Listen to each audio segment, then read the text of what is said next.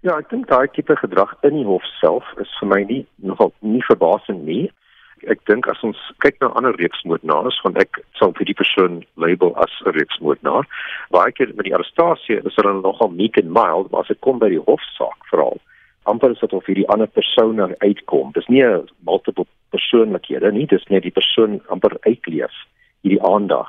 So dit is vir my iets wat ek al 'n paar keer gesien met ander reeksmoordenaars wat in die hof verskyn hulle leef uit hierdie image van hulle self.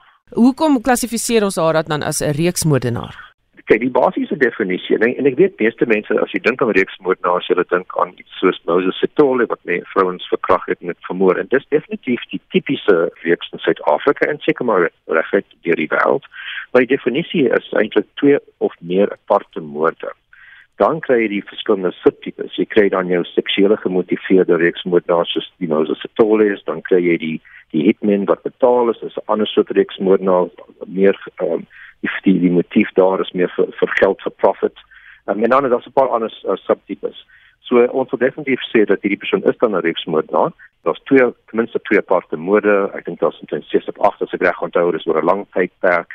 So ja, so ek ek sal dan ook bestempel as reeksmoord. Is vroue gewoonlik reeksmoordenaars? Uh, nee, definitief nie in Suid-Afrika nie. Ek dink baie mense as as hulle dink aan 'n vrou reeksmoordenaar sal dink aan iemand soos Daisy de Melker wat net in die 1930s beskuldig is dat sy twee van haar uh, mans en dan haar seun vermoor het. Sy is net skuldig aan een van hulle, een van die moorde, maar die motief daar was ook vir assuransie uitbetaling. So jy weet dis miskien nie dit ons eerste een daar was Shamaine Phillips en Pieter Gunning wat in die 80e jare regsoor op weer Suid-Afrika in in die ou Transvaal gery het vir 3 weke en mense vermoor. Sy sê aan die wat die mense kan miskien label.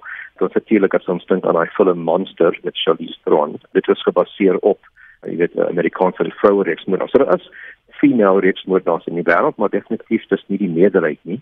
En nie maar die meerderheid van geweldsmisdade is in elk geval deur mans gepleeg. Hoe het dinge verander in terme van hoe mens uh, mense klassifiseer terme van reeksmoordenaars al dan nie oor die jare heen tot waar ons nou is? Ja, Pieter, daar was altyd 'n groot debat.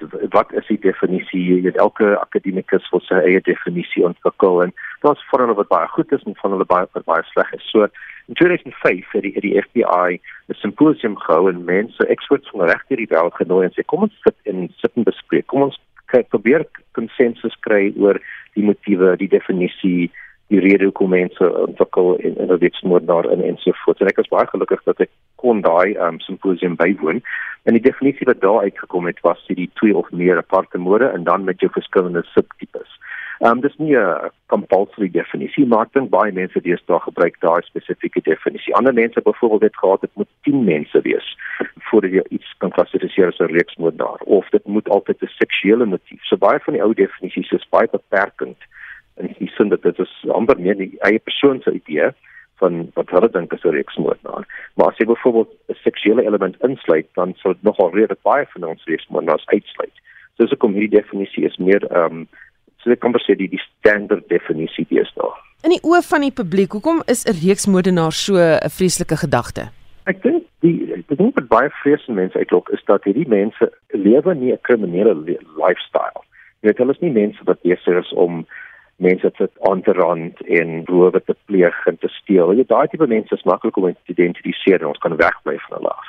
Maar reeks moordenaar gewoonlik behalwe die moorde uh, het hulle 'n redelike normale leef lifestyle. Jy weet hulle gaan na hulle klein werkies toe, doen peace jobs of wat wat ook al hulle hulle het verhoudings met mense, kinders dalk en so dis 'n komfort vir mense amper letterlik dit kan nie persoon wat langs jou bly wees wat jy gedink is 'n baie nice persoon wat hierdie vrede dade doen. So ek dink dis ook om vir mense dit is nog baie 'n scary konsep want dit kan letterlik jou jou buurman wees.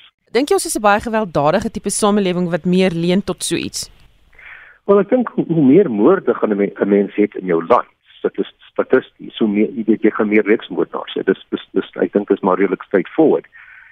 Ek dink aan die ander kant jy weet sê die Suid-Afrikaanse polisie diens het nogal 'n goeie stelsel in plek in terme van die ondersoekgerigte sielkundige eenheid wat in die 1990s begin is as gevolg van die die al die reeksmoord in die mid-90s en hulle daai die kapasiteit om reeksmoord te ondersoek en identifiseer gestig en dit was in die eenheid met hulle opleiding wat hulle gee en die bystand wat hulle gee. So ons stel hierdie goed baie beter op as ander lande. Ons het ook een DNA database waar byvoorbeeld Amerika is letterlik elke klein plaaslike polisiestasie gebruik hulle eie DNA's mense. So ons het baie dinge in plek wat ons laat ons reeks baie vinniger identifiseer.